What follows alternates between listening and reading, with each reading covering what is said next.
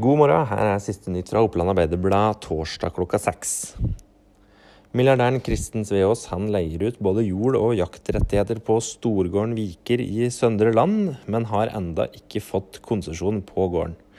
Seniorrådgiver Kjell Årestrup hos Fylkesmannen i Innlandet sier at en kjøper av en konsesjonspliktig landbrukseiendom kan ha råderett over den før konsesjon er gitt, men at så lenge konsesjonsforholdet er uavklart, så løper Kristen Sveås en viss risiko ved å gjøre dette her.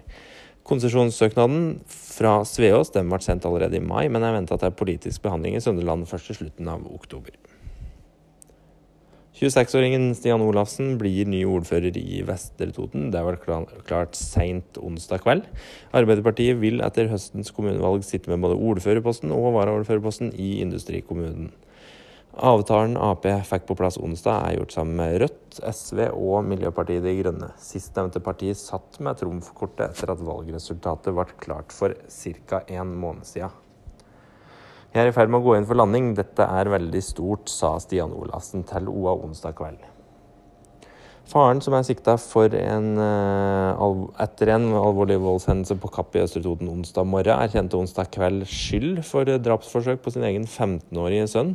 Dette er en sak som Oppland Arbeiderblad følger tett utover torsdagen, og til enhver tid kan du finne det siste på oa.no. Følg med der, og ha en fortsatt fin torsdag.